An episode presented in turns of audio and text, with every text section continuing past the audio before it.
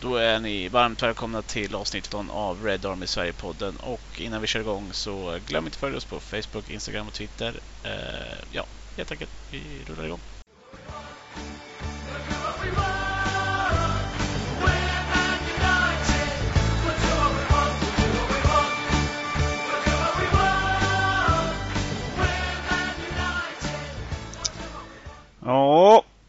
Nästan eh, god jul på er allihopa där ute. Eh, vi kör igång med en skål.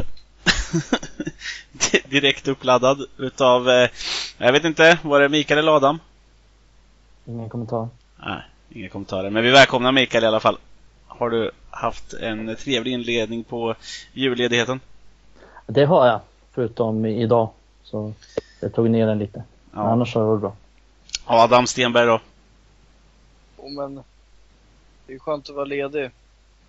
Umgås med familjen. Men eh, det hade kunnat varit en bättre start på United-ledigheten om man säger så. Precis, eh, för att eh, det är där man ser fram emot lite så här över jul. Eh, man får se mycket matcher eh, över jul och nyår. Eh, även om de har dragit ner lite på det så är det fortfarande fyra matcher inräknat än idag. Eh, och eh, det var väl en riktigt, jag vet att du brukar använda det uttrycket, men att man hellre blir körd i röven med ett rivjärn ungefär, Mikael. Men det var ungefär så jag kände mig efter den här matchen. Eh, det blir 2-0 till Watford. Laget som inför matchen hade 9 poäng. Laget som inför matchen hade gjort 9 mål. Eh, som inte hade vunnit på hemmaplan. Visserligen med ny tränare och säkert lite mer go i laget, men de visar ju ganska tydligt under matchen att det är ett ganska risigt lag.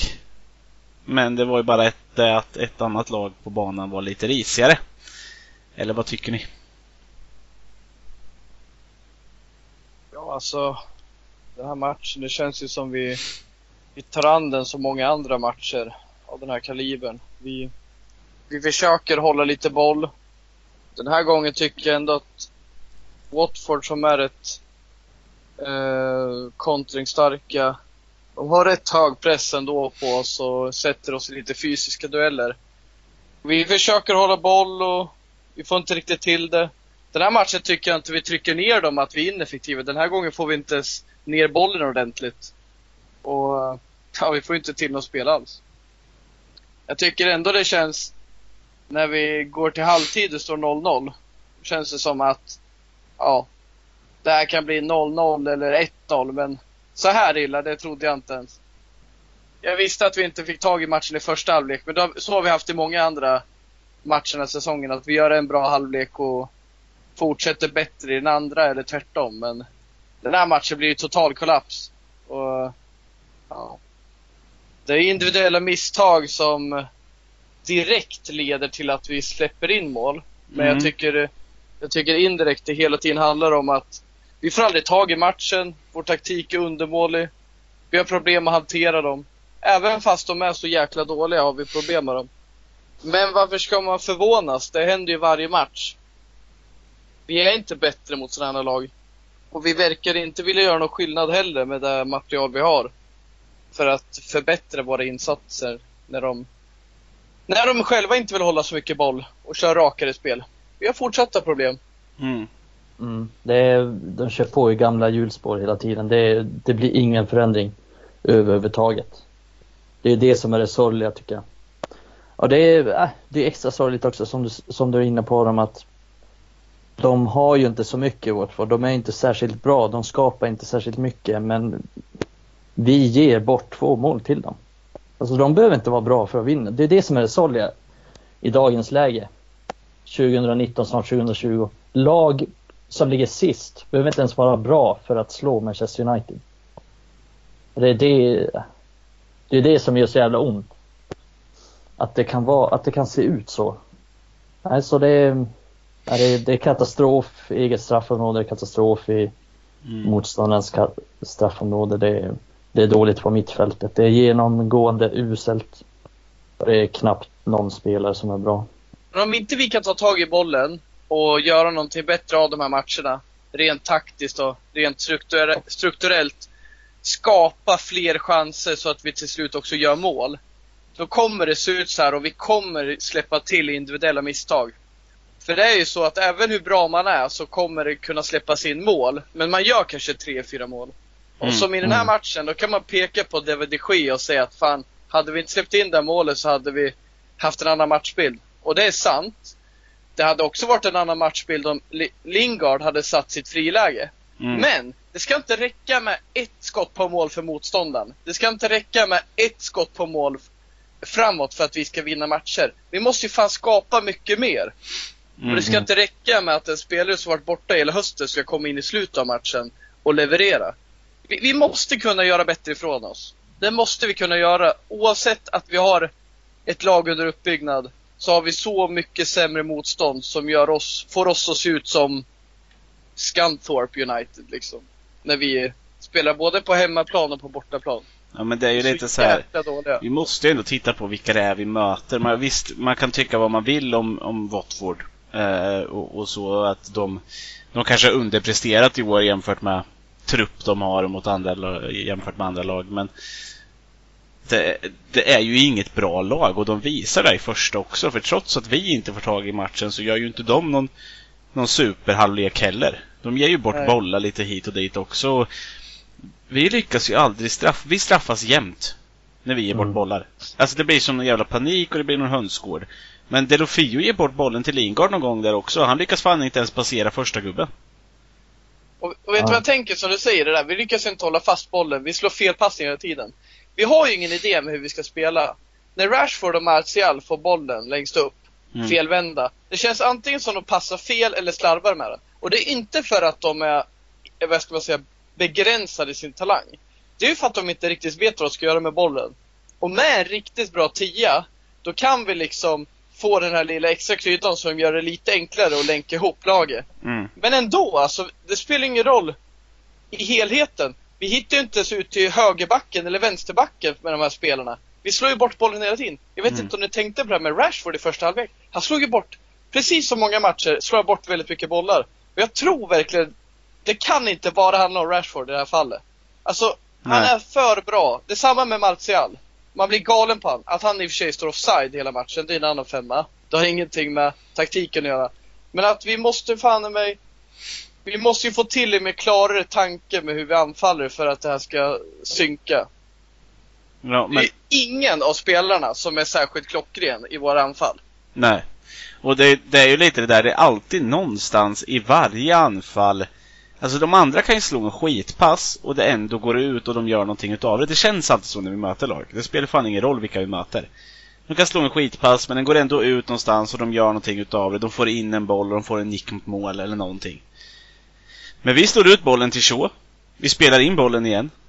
Fred spelar vidare till McTominay. McTominay spelar ut den till Mac- eller Wan-Bissaka som står långt ner på planhalvan. Vi börjar om på Lindelöf. Lindelöf skickar ut den till Shaw. Shaw spelar upp den till Rashford som försöker vägga med någon och så har vi tappat bollen. Mm. Och sen ut på Daniel James som slår ett inlägg. Och då finns Daniel det... James är en inläggsspelare. Finns ingen som kan nicka i boxen. Nej. Så det är liksom, ja. Vad håller vi på med? Nej men det, det finns ju ingen idé. Och tittar man, man, man blir ju lite lurad igen i början av den här matchen. Alltså Lindelöf slår en perfekt sån här boll som bryter linjer. Eh, Martial har tagit en bra yta mellan eh, försvar och mittfält. Eh, och kan vända upp. Ehm, och, och, och hitta något skottläge där. Vi får ut bollen till James någon gång med ett bra samspel med Wan-Bissaka för en gångs skull. Han spelar en snett inåt bakåt längs backen. Som nog var menat för Rashford, men Martial snäppar upp den och får ett skott som går någon meter utanför. Då blir man lite lurad bara så här, ja men Fan, det fanns lite linjer i början igen där, att man hittar lite raka, långa passningar. Och tryck ner dem lite. Men, Ja, sen tar det ju två minuter så är det där som, alltså bortblåst. ja det, är nog, det är nog så här liksom att i början när de spelsugna kommer fram, tar lite egna beslut och sen faller United in i den meningslöshet som är Manchester United. Utan Egna linjer. beslut. Ja, men alltså det, Ja. de, är, de är taggade i början av matchen och, och vill framåt. Men Mm. sen så faller man in i samma gamla vanliga Där man inte har någon idé om vad man ska göra helt enkelt. Mm. Och så tittar man på det här. Visst, det är oturligt att de här två misstagen sker. Vi kan inte hänga de Gia för mycket. Alltså det, det är en jättetabbe, men ja. Alla målvakter gör tabbar ibland. Alltså Allison har gjort tabbar. Henderson som det pratas om ska ersätta. Han gjorde en dundertabbe mot Liverpool också. Alltså, mm. det händer med Ja, målvakter. och det gör inte Henderson till en sämre målvakt heller. Nej, och det gör inte Nej. De Gea till en mycket sämre målvakt. Även om han kanske har haft några fler sådana de sista två åren. Men, ja, ja, jag tycker det är så här. Och sen det här med Wan-Bissaka, det har man ju bara väntat på. Killen måste ju lära sig att stå upp några fler gånger än vad han ligger ner i alla fall. Alltså det är ju det. det kommer, annars kommer sådana här grejer hända. Det kommer komma en, en bra spelare som är lite snabb någon gång. Han måste vara lite smart där. Det är fan Mm. det dummaste jag sett. Han är helt off och helt onödig glidtackling också. Ja. Behöver inte vinna bollen inne i straffen. Nej, han har ju Maguire där också. Ja. Han är inte själv. Nej. Har han Maguire verkligen? Mm. Maguire springer ju bredvid honom där. Ja men alltså... Ja, men allvarligt, ja han har honom fysiskt, men har han honom psykiskt? Ja, Vet han ens att han kommer där och stöter? Det är ju samma sak som, alltså, vi snackar ju ofta om, jag har varit kritisk mot Lindelöf. Jag tycker han idag ändå är en av de bättre backarna. Men jag Ja, tycker han- Maguire, han är så jävla passiv. Alltså, han ska ju vara en ledare i gruppen och sådär, men fan, när någon kliver mot honom, han vågar ju knappt gå in i honom. Mm. Alltså, han bryter ju för sällan. Han är jävligt bra i luften, han är rätt liksom resolut i vissa lägen, men jag tycker fan, som i det här jag menar, nu vet jag inte exakt hur situationen ser ut, men har man med sig Maguire psykiskt varje gång, han står där, men jag tycker inte han tar plats liksom. Mm. Nej, där är han och Lindelöf lite lika. Båda är lite samma typ av, av eh, avvaktande försvarare. Ingen av dem som riktigt går in i dueller tycker jag. Men det ska ju vara Maguire den som ska gå in i dueller, kan jag tycka. För att han, Lindelöf är inte byggd för att ta alla de där. Han ska ju vara den smarta backen som, som liksom tar bollen i andra skedet. Mm. Eh, Lite libero. Ja, men det är det han är byggd för. Möjligtvis då att han ska gå fram och stöta framför. Nu tycker jag han sköter sig jättebra mot Dini under hela första halvlek. Jag tycker Mm. Det nästan... tycker jag med. Han tycker Jag tycker nästan... han var skitbra. Ja, jag tycker han sätter Dini och han är klart bäst i United under första halvlek. Vilket som jag vet USA de säger ganska mycket. Ehm, Men om man ska prata någonting mer Han, om han, det- gör en, han gör en 5 av 10 insats och är överlägset bäst. Ja, Ja precis, det säger en hel del om hur jävla risiga vi är. ja. För han Det är slår ändå bort ganska mycket passningar och ja, Ja. eh, så att... Det är ju fortfarande hans stora problem, Lindelöf. mm. Passningsfoten är inte jävla bra alltså. Ja men den är helt okej kan jag tycka, men han har svårt att värdera när han ska slå. Alltså Ja, ibland när men du är press... Cathcarts passningsfot också är helt okej. Ja, Alltså, ja. det beror på vad man jämför med. Ja, men jag, jag tycker ändå han har ganska mycket bra passningar. eh, Men jag tycker han har väldigt svårt att värdera när han ska slå vissa passningar. Ibland när han har världens tid, ja då ska han rulla någon konstig boll ute på en Bisaka som har press på sig. Och så blir det bara konstigt hela vägen. Eh, och, och ibland när han är väldigt pressad, och så här, då ska han slå någon smart eh, kortpassning som ska försöka gå förbi en millimeter bredvid en spelare. Så han måste sopa i utav helvete. Ja, men det som är mest anmärkningsvärt ändå att både han och Maguire ska ha så bra passningsfötter men satan vad långsamt det går. Mm. Speciellt för Maguire. Han står ju fem minuter med bollen varenda gång. Mm. Vi får det- inte ut någonting, vi får inte ut särskilt mycket av deras så kallade passningsfötter. Nej, och han står Och, ju och vet du still vad? Jag hade, jag hade köpt det. Jag hade köpt om det tar tid för han. Om han väntar in bra löpningar och han slår dem och det liksom blir lite sådär. Men det händer ju inte. Och det Nej. Känns ju ofta som till- Lindelöf och Maguire väntar för länge. Ofta ser man någon rycker på axlarna och inte får bollen. De är ju rätt fega liksom. Och sen i och för sig, Maguire slår ju en del utanför. Mm. Så det är ju dubbla fel liksom. Ja men ibland väntar han ju svinlänge sen bara, jaha, slår han ut i show ändå. Ja, men den här diskussionen kan man ju också fastna i evigheter. Men vi har ju något enstaka glädjeämne. Om vi ändå ska bara plocka fram något så är det väl ändå, och det kan ju både vara glädje och sorg på något sätt. Men det, bil Pogba. ja, men att han kommer in och visar att han är så mycket bättre än resterande delar av laget. Ja. Att han Fan kan- vad jag har saknat att se honom på centralt mittfält igen. Fan vad skönt! Mm. Ja. Vilka bollar han slog. Men det är, det är bra bollar, men det blir ju ändå komiskt på något sätt att vi, vi sitter och tjatar om att han ska spela tia. Han byts, byts in mot Lingard, får spela tia där vi faktiskt behöver honom just i det skedet. Eftersom han tar sig in i boxen mycket lättare, han kan fylla på. Eh, men då har vi inte kvar Daniel James på banan. Som kan slå inlägg. Eh, och, och, hade vi fått ha, det, det, det tycker jag så här, om man ska man spela Pogba, då är James jättebra. För Pogba är rätt bra på huvudet och tar sig in och slår sina försvarare. Mm. Men samtidigt tycker jag inte att vi, det är inte så jag vill att United ska spela i alla fall. Nej, men när man ligger under med 2-0, förstår du vad jag menar? Alltså... Ja. Ja absolut, då hade det man kunnat kör varit... lite på, trycker in på chans lite mer. Ja, men det måste man ju nästan göra. Man måste ju få in den där 2-1 ganska snabbt. Som man kan pressa på sen. Mm. Alltså jag tänker så här, varför kan vi inte bara ha en så 10 hela matchen? Ha kvar ja. McTominay på plan och försöka spela det som Ole försöker sig spela. Ja. Jag menar, jag är lite med på det där. Alltså, jag vill inte heller att vi ska slå inlägg. Vi kan behöva komma dit och då är ju Pogba en ytterligare addition i mm. straffområdet, kliver in och nickar. Men jag vill ju att vi nu börjar spela som vi tänkt. De börjar trycka ner, vi har Pogba på planen. Vi ska ju kunna ta sådana här lag utan Pogba, men nu med honom. Nej, men då kör vi ner som central mittfältare. Mm. Där han är som bäst då, det är ju mot lag som eh, ligger högt upp i plan mm. med sina mittbackar. Till exempel Chelsea i första omgången. Då hade ju Pogba eh, lekstuga. Även fast han var central mittfältare, inte sin bästa roll. Mm. Jag, tycker det, jag tycker det är vansinnigt. Jag tycker att Pogba skulle vara tionde matchen. Jag tycker att vi borde haft kvar McTominay, Fred. McTominay var inte grym den här matchen. Han var inte dålig heller, men han hade fan blivit bättre när Pogba kom in. Om mm. han fick fortsätta. Jag förstår, inte riktigt, då, det... jag förstår inte riktigt det bytet med, med Mata in och McTominay ut. Jag fattar att McTominay inte gör sin bästa match och han vill få in någon slags kreativitet av Mata. Men Mata är ju rätt slut på den här nivån. Han har inte så mycket att bidra med och det rubbar bara balansen tycker jag. Ja. Det tycker jag är ett konstigt byte. Jag höll på att säga någonting dumt. Eh, som att slänga in Pereira istället, men så kom jag på mig själv mitt i meningen. Men, det ju bara eh, fem, mitt, fem mittfältare på bänken. Ja, och det är också det här med Ole. Men jag tänker att Alltså vi kommer ju vidare på det här. Det känns inte som att det är så jävla mycket mer värt att, att slänga iväg för mycket tid på, på Watford.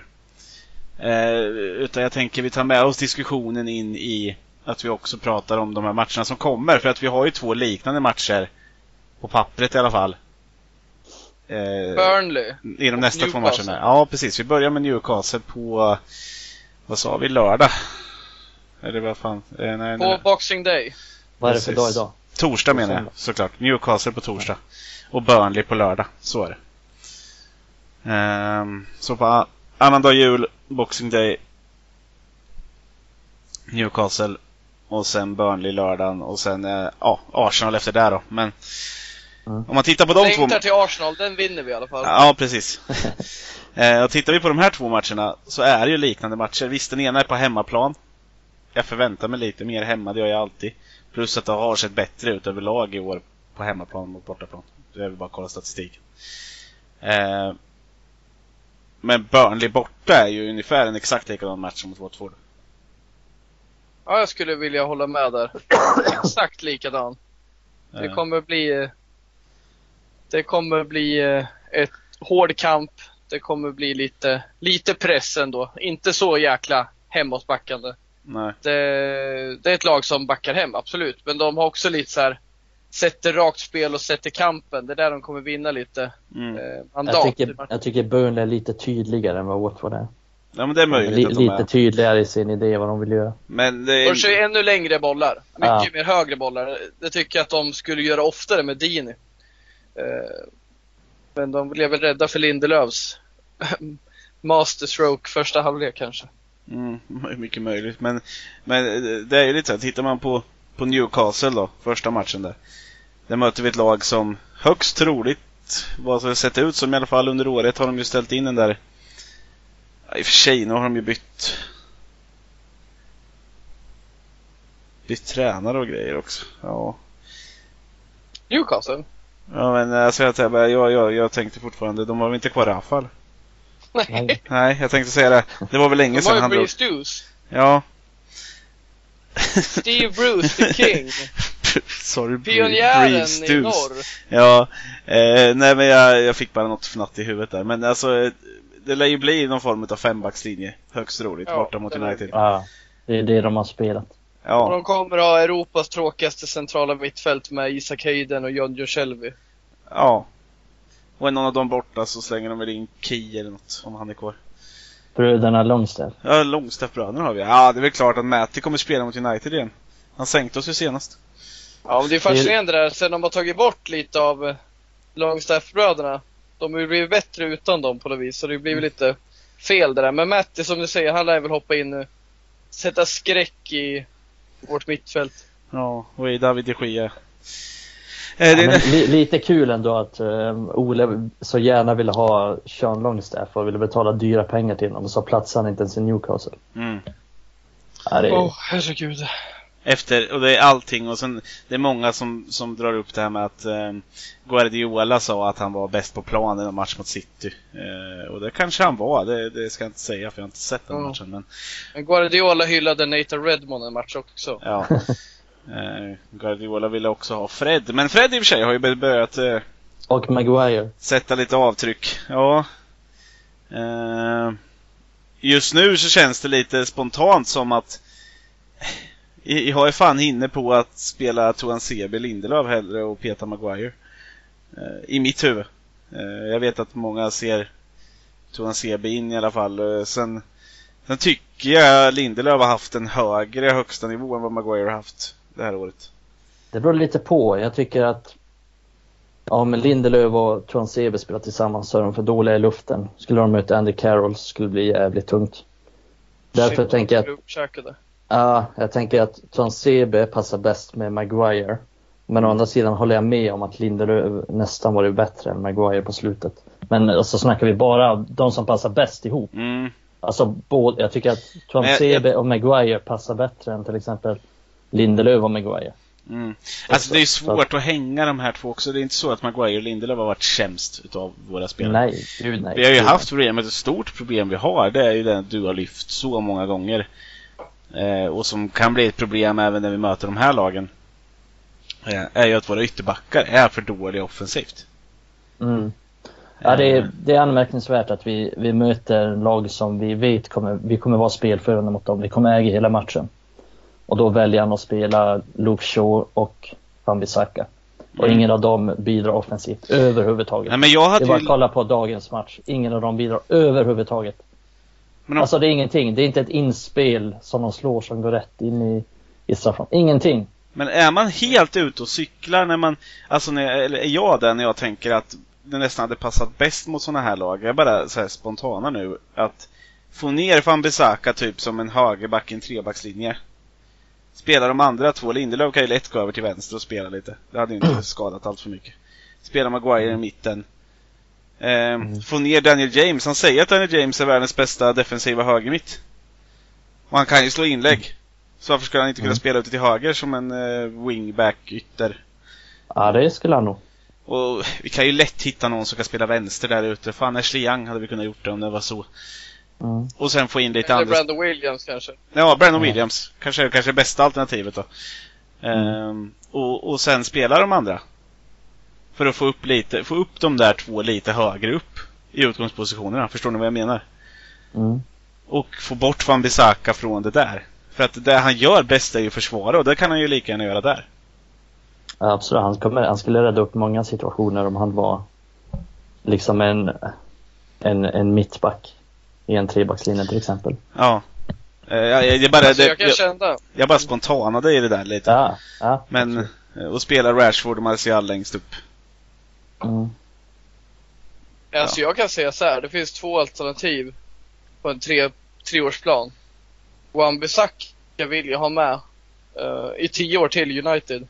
Men förutsättningen där det är att han antingen antingen skolas om till någon slags mittback eller en av tre mittbackar för han har sådana sjuka defensiva kvaliteter. Mm. Eller att eh, vi helt enkelt ändrar spelidé så att vi inte behöver vara ska jag säga, begränsade för att våra ytterbackar inte är offensiva. För jag tror inte han, han kommer inte bli tillräckligt bra offensivt. Nej, jag tror inte Alltså det heller. känns så jävla begränsat. Jag har trott någonstans tidigare att han har kunnat utveckla för jag tycker att han är, han är bra i kombinationer och är ganska bra med bollen. Men inläggen Och hans vilja att gå framåt, de finns inte där. Alltså han har ju inte tekniken. Vi har ju hyllat hans Nej. tacklingsteknik, den saknar ju motstycke. Han går ju emot naturens eh, och alla normer hur Mm. man ska tackla. Och gör ju det exceptionellt, det är därför den är så bra. Men hans inlägg, han kan ju inte få luft under bollen och när han får det, då blir det riktiga jävla tjoffpastejer som knappt räcker till i division 6. Mm. Så jag hoppas ju att eh, ja, man kan hitta någonting åt honom och det är väl många spelare som har ändrat sådär för att de ska liksom få fram sina främsta kvaliteter. Eh, men alltså... Då kommer vi återigen in på det. Alltså vi, Manchester United beslutar efter lång, långdragna scoutningar av hundratals spelare som scoutas att vi ska lägga 50 miljoner pund på en ytterback. Som knappt kan slå ett inlägg. Mm. Så det är, jag fattar han har defensiva kvaliteter men någonstans så har väl jag och jag tror klubben också har ambitionen om att United liksom ska vinna Champions League om fem år. I alla fall Premier League.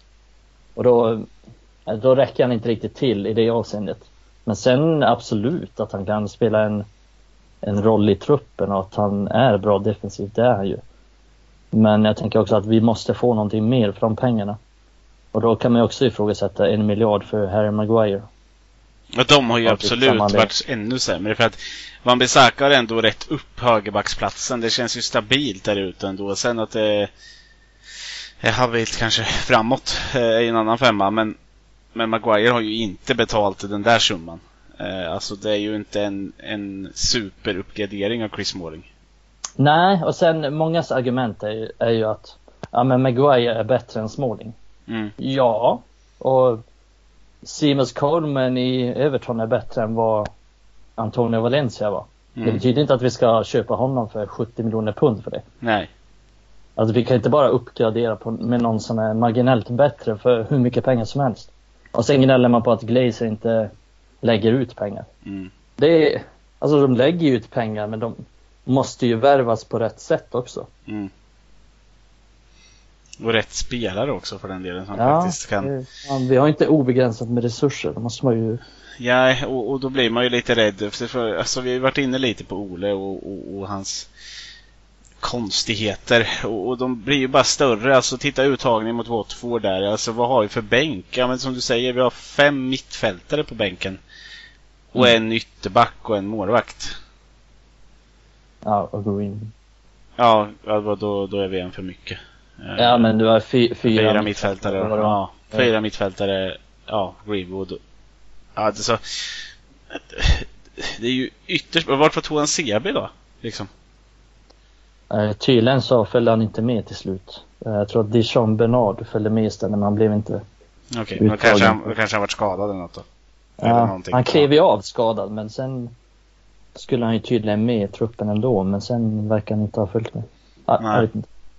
Nej, men det kan, sånt kan det ju vara. Och, och anledningen att Pogba kom in sent kan ju också vara att han faktiskt inte har spelat sedan 30 september. Eh, I Ja. ligan. Han har ju gjort ett... eh, Eller var det är väl helt naturligt. Ja, det, var, Ja. det är ju inte konstigt och det kanske vi... Nej, men vi ska inte ens behöva Pogba den här matchen. Nej. Men, men om man tittar vidare framåt här då, tror vi att... Jag är inte säker på att, att vi har Pogba på plan kommer ändra utgången i, mot Newcastle och, och, och Burnley. Det ger oss en extra krydda och som vi vet att vi har Ja. diskuterat en individuell kvalitet som kan avgöra matchen åt oss. Exakt. Pogba är ju fantastisk. Han kommer ju verkligen se till att om vi säger att våra tior har gjort 3 av 10 effekt, 30% effekt, så kommer han ge oss 85-90% effekt i Mm. den rollen. Och, men det kommer inte göra allt, så är det ju. Mm. Han kommer göra att det ser lite tydligare ut, det ser lite enklare ut. Det är lite enklare att vara central mittfältare, man kommer hitta han lättare. Det är lite en- enklare att vara Martial och lätt kunna passa tillbaka till någon som älskar att spela boll. Och inte vara så Lingard och gömma sig eller som Pereira som är i Watford liksom. Mm. Fan det här blev dåligt nu när vi var i Watford men ja, ni fattar. Mm. Han åkte fel. Men eh, ja. Jag eh, tror det krävs väldigt mycket mer. Väldigt mycket mer än honom. Ja, men annars kommer de... det är till exempel ytterbackarna.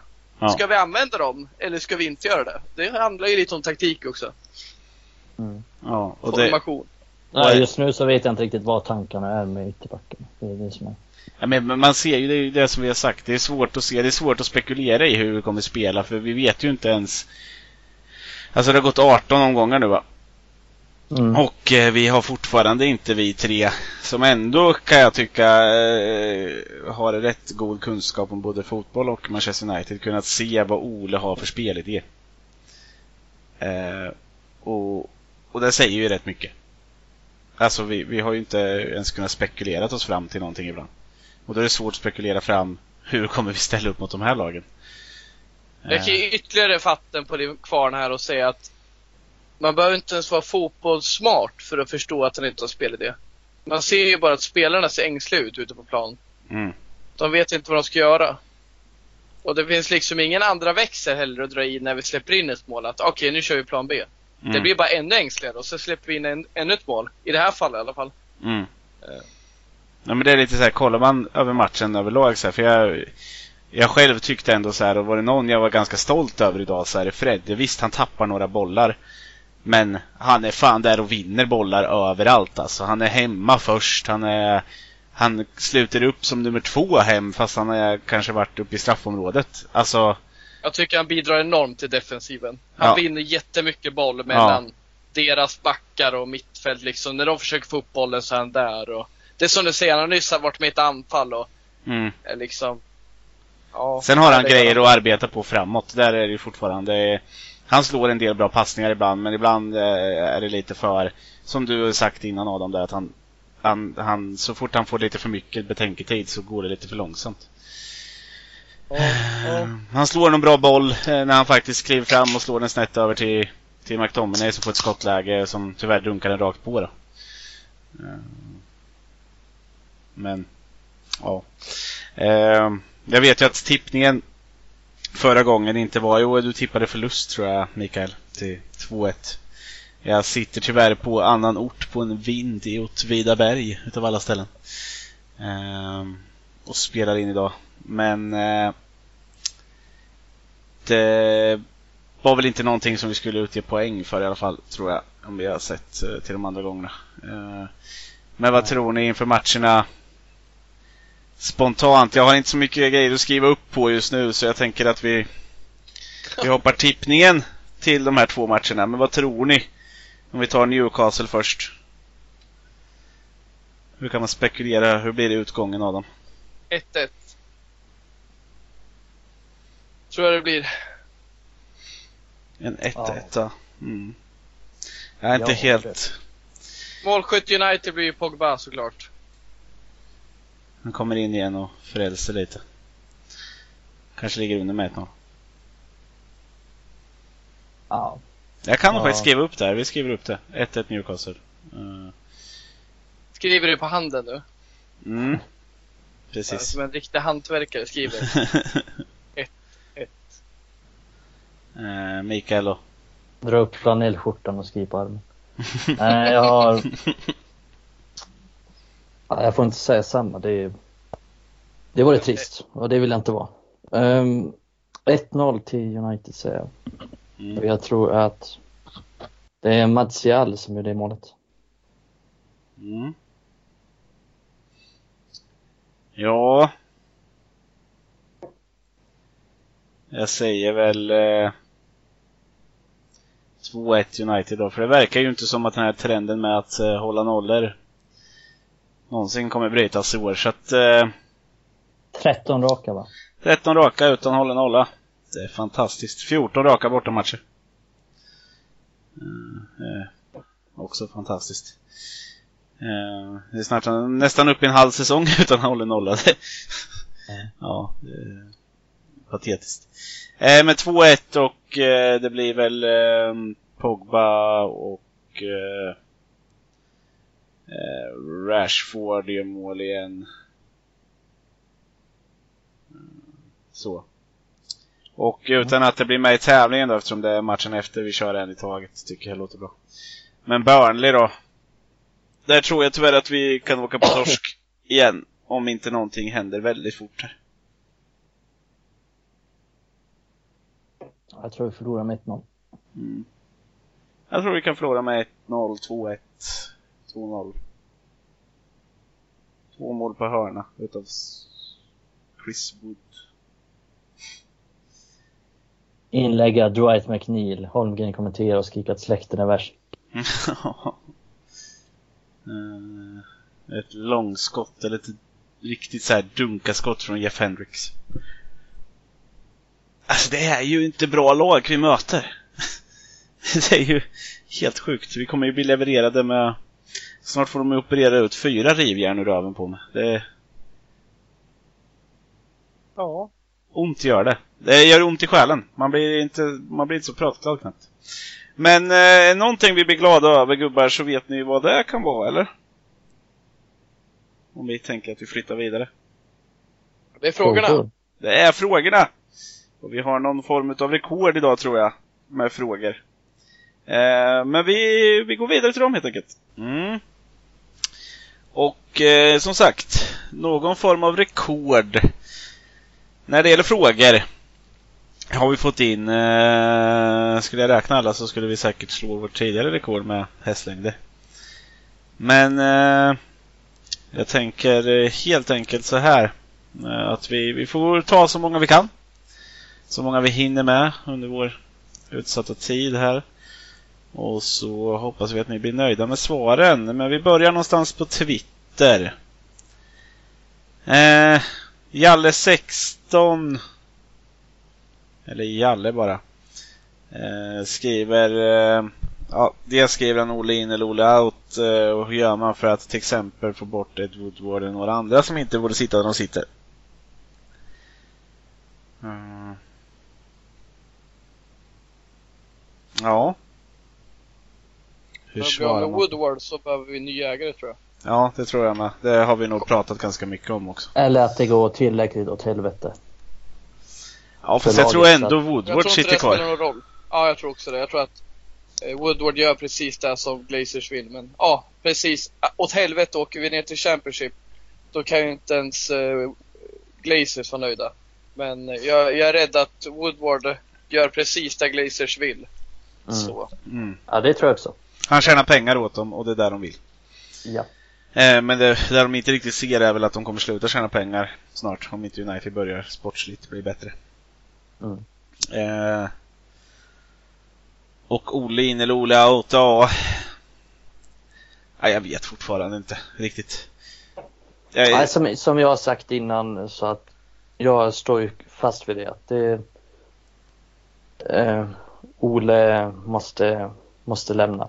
Mm, Det, det kommer inte bli bättre och Pochettino är ledig så att ja, och det, jag, finns det inget att tveka på. det har jag också sagt och jag tycker också att uh, all heder åt Ole, det jobbet han har börjat göra. Men frågan är man, jag tror i alla fall inte att han är rätt man att fortsätta. Nej, som vi var inne på tidigare så skulle Pochettino kunna fortsätta det arbetet. Han vill få in unga spelare han också. Mm, Så att Sen tycker jag det är lite överdrivet. Alltså Oles Så mycket satsar han inte på ungdomar. Nej. Eh, alltså visst, han har gjort vissa satsningar så att han har rensat ut några spelare.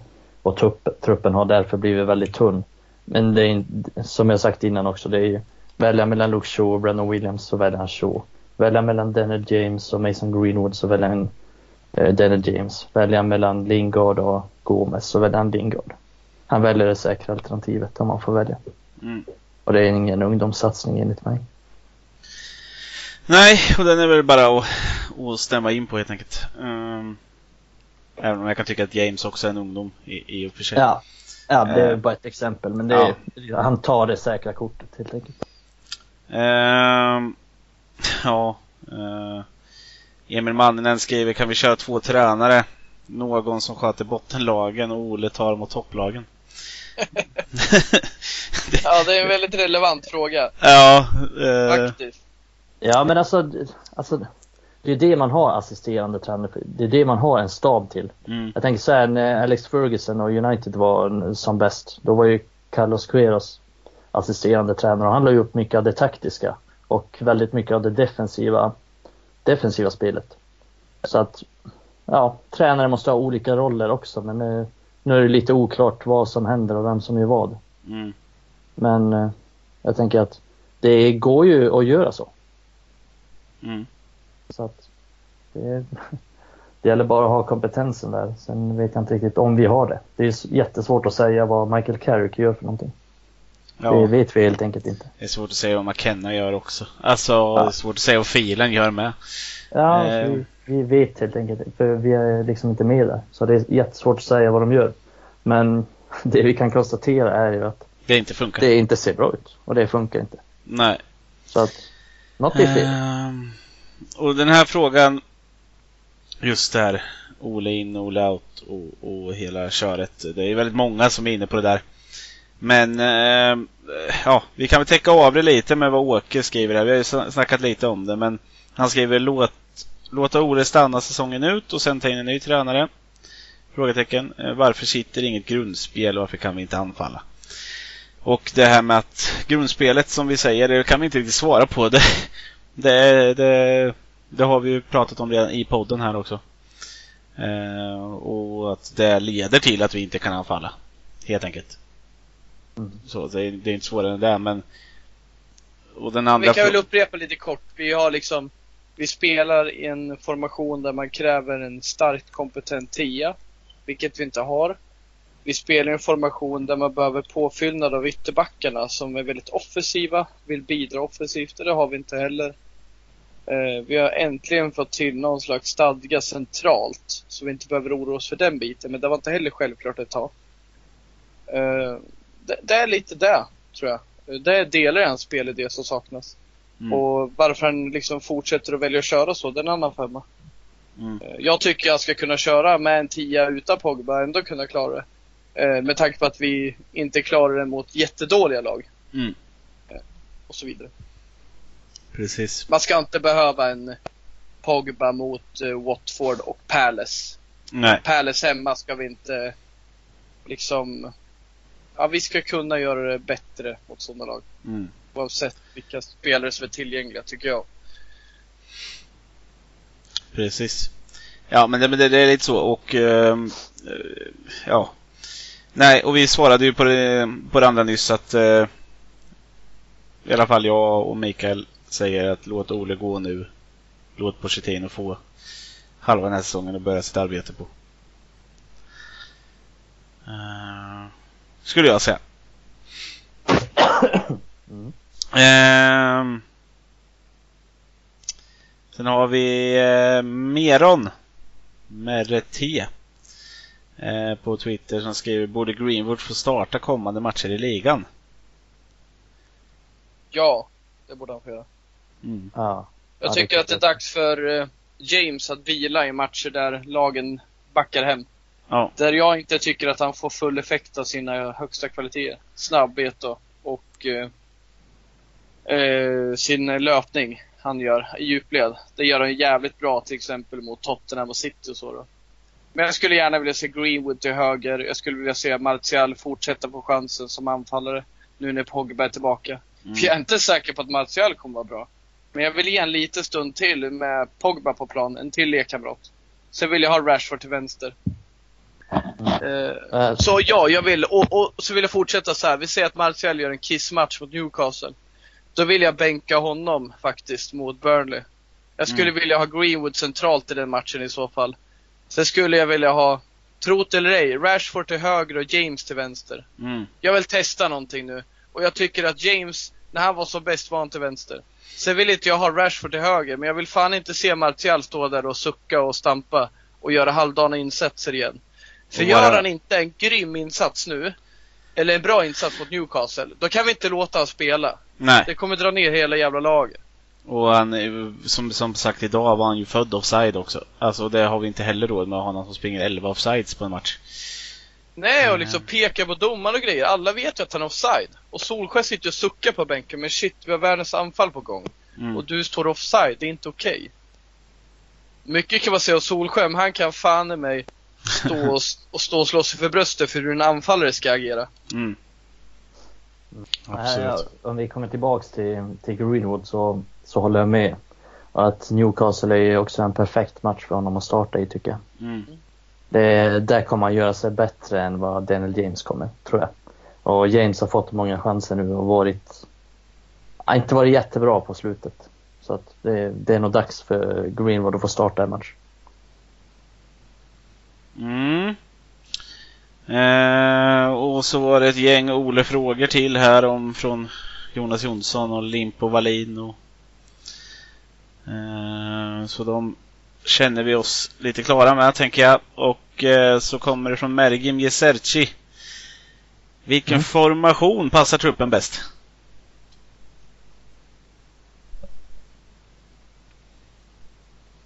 Mm.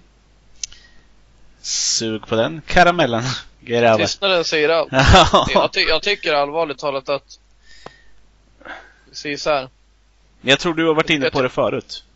Ja, Jag tycker att eh, egentligen i teorin så funkar 4-2-3-1 bäst. För nu när vi får tillbaka Pogba så är det inte så jävla mycket att ursäkta sig med faktiskt.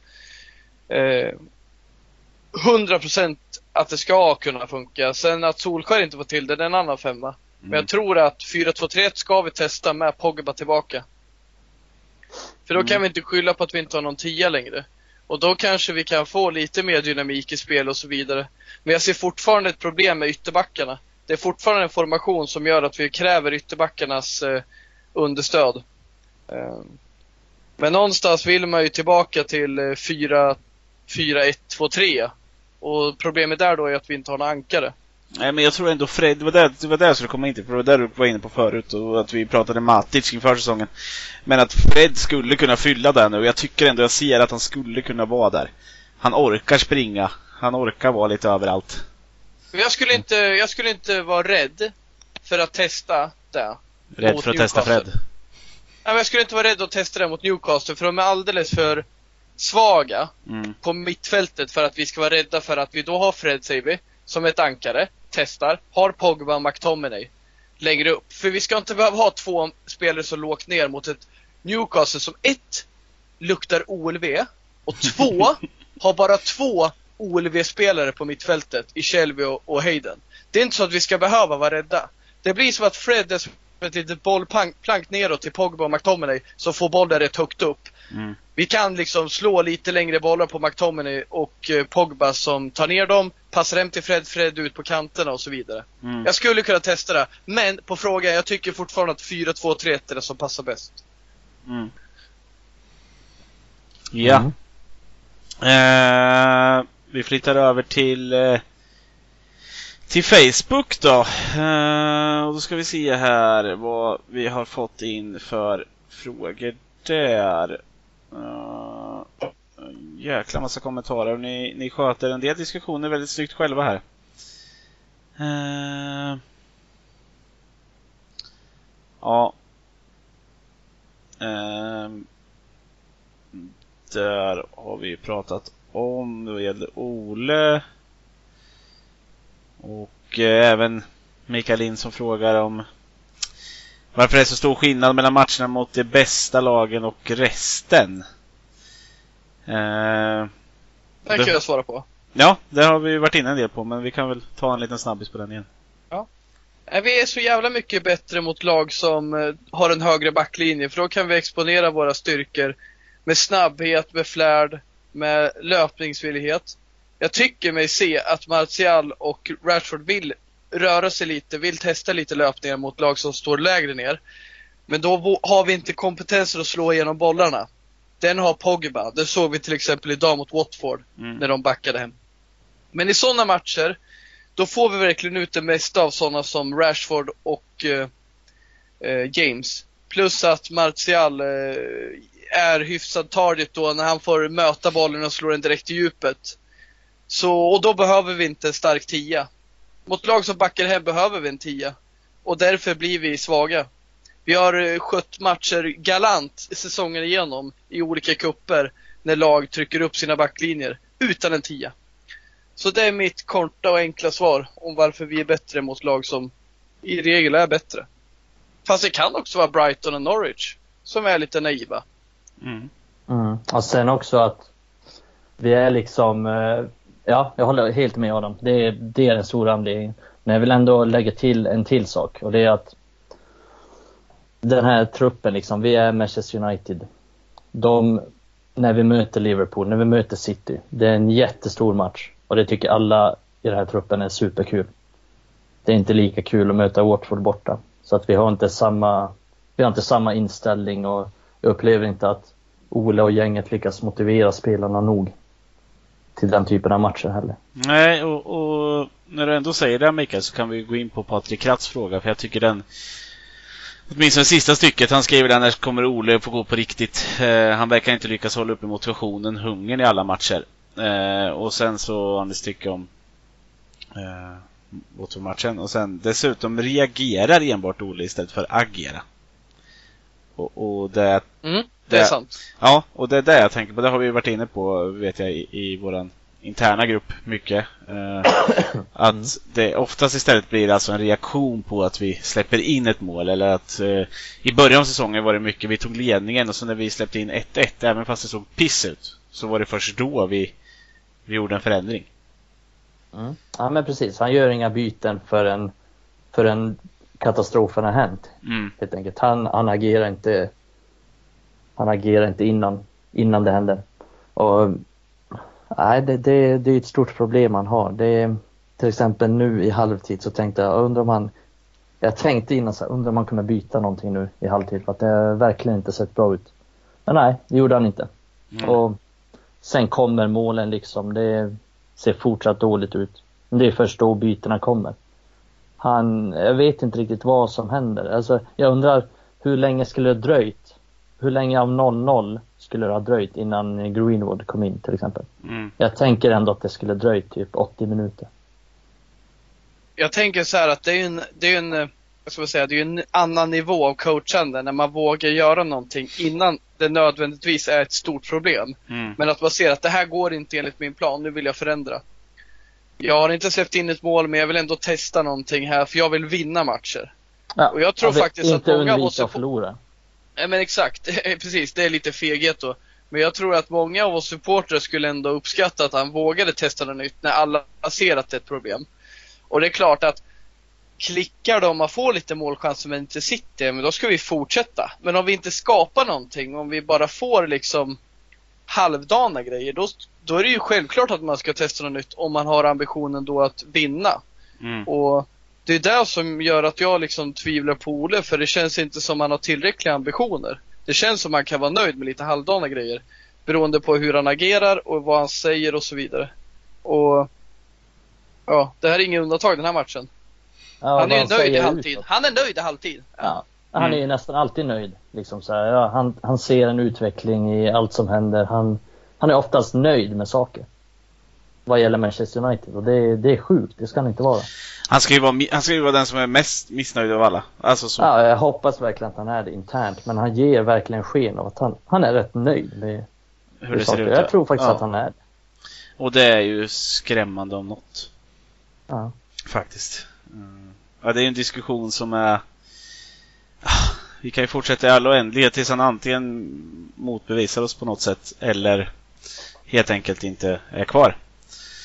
Ehm, eh, sen har vi en diskussion till som har varit rätt eh, tydlig då. Eh, i, i, eh, runt frågor och det är målvaktspositionen. Vi har eh, Mattias Hansson som ställer frågan om varför inte eh, Romero får en möjlighet.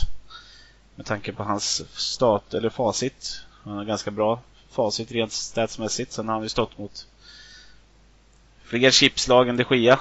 Eh, Eh, och även Kristoffer Svensson som skriver Har de Gia gjort sitt med tanke på statistiken? Mm. vi har ett par till här om eh, eh att det känns som att eh, Henderson borde få chansen. Artur Gornacki skriver mycket om eh, här att de tabbade sig igen. Tyckte han inte var ett större problem men att ja, vi måste göra någonting och, och ja, det är mycket runt omkring målvakterna.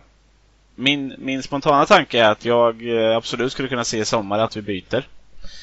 Eh, jag är inte så, men samtidigt skulle jag inte gråta floder. Jag tycker inte det är problemet i stora grader. Eh, de Gia har sina svagheter. Han har gjort fler tabbar. Eh, absolut, jag skulle kunna se att Romero stod en match. Han kanske behöver hitta sig själv i en de Gia på något sätt. Jag vet inte. Men... Eh, ja, jag vet inte, vad känner ni? Jag tänker så här att Sergio Romero är absolut inte lösningen på någonting. Nej, Visst, eh, David de Gea har gjort tabbar. Det har han gjort. Han har gjort fler än han någonsin har gjort faktiskt i United. Och det är, det är ett problem att han har gjort fler tabbar. Men eh, jag håller med dig också att det är inte vårt största problem nu att han, att han släppte in den här billiga, det här billiga skottet. Alltså det, det kommer hända. Alla målvakter gör tavlor och till exempel eh, Romero har gjort tavlor och Dean Henderson har gjort tavlor bara den här säsongen. Och, alltså det finns en anledning till att, att jag tänker, alltså det är så populistiskt och så lätt att, mm. att komma in med Romero. Han står var, var 20 match och visst, han gör det bra mot AZ Alkmaar hemma i Europa League. Men skulle Romero få stå tio matcher i rad, skulle han få stå mot Manchester City borta, mot Arsenal borta, mot Crystal Palace eller whatever. Då tror jag att hans svagheter skulle synliggöras och jag tror att han skulle visa att han inte är en särskilt bra målvakt trots allt. Alltså inget ont om Romero, han är en fullgod reserv. Men han, det är en målvakt som har varit reserv i hela hans karriär nästan. Han var reserv i Sampdoria för fan. Det, det här är ingen världsmålvakt och han är definitivt inte bättre än vad de Gea är. Och Dean Henderson är inte heller bättre målvakt än vad de Gea är just nu. Sen kan man ju diskutera om man ska byta ut en, kanske lite på nedåtgående de Gea mot Dean Henderson som är på väg upp. Mm. Visst, det kan ju finnas en ekonomisk vinning och en lojalitetsvinning där också. Men är de Gea en sämre målvakt än Henderson och Romero? Nej. Och skulle någon av dem göra det bättre i United än vad de Gea gör nu, har gjort och kommer göra det närmaste året? Det tror jag inte. Nej. End. The end. The end, ja. eh, och ja. Ja, med det slutet egentligen så, så, så börjar tiden eh, rinna iväg för oss. Men jag kan också tycka att det var ett bra slut för att jag håller med dig i orden och, och, och det var lite som jag sa själv där att det, eh, jag tycker inte det är problemet. Jag tycker att absolut Romero kan få en chans någon gång. Det gör väl ingenting egentligen. Eh, men han kommer inte heller vara lösningen och ja, byta ut en nedåtgående De Gea mot en uppåtgående Henderson. Som vi ändå har i klubben utan att behöva spendera massa pengar. Mm, det är lite annan diskussion. Det kan man kanske göra på sikt. Precis. Mm. men jag får tacka er för idag gubbar. Jag vill tacka för alla frågor också. Det är alltid lika bra. Ehm, eh, det är en del frågor som inte har blivit besvarade den här gången men eh, jag hoppas ni fortsätter skicka in till oss. Ni ställer alltid bra frågor. Och många utav er märker man ju tänker samma saker också. Mm. Eh, känner ni er nöjda grabbar? Absolut. Absolut. Mm. Bra, men då tackar vi för idag. Bye bye!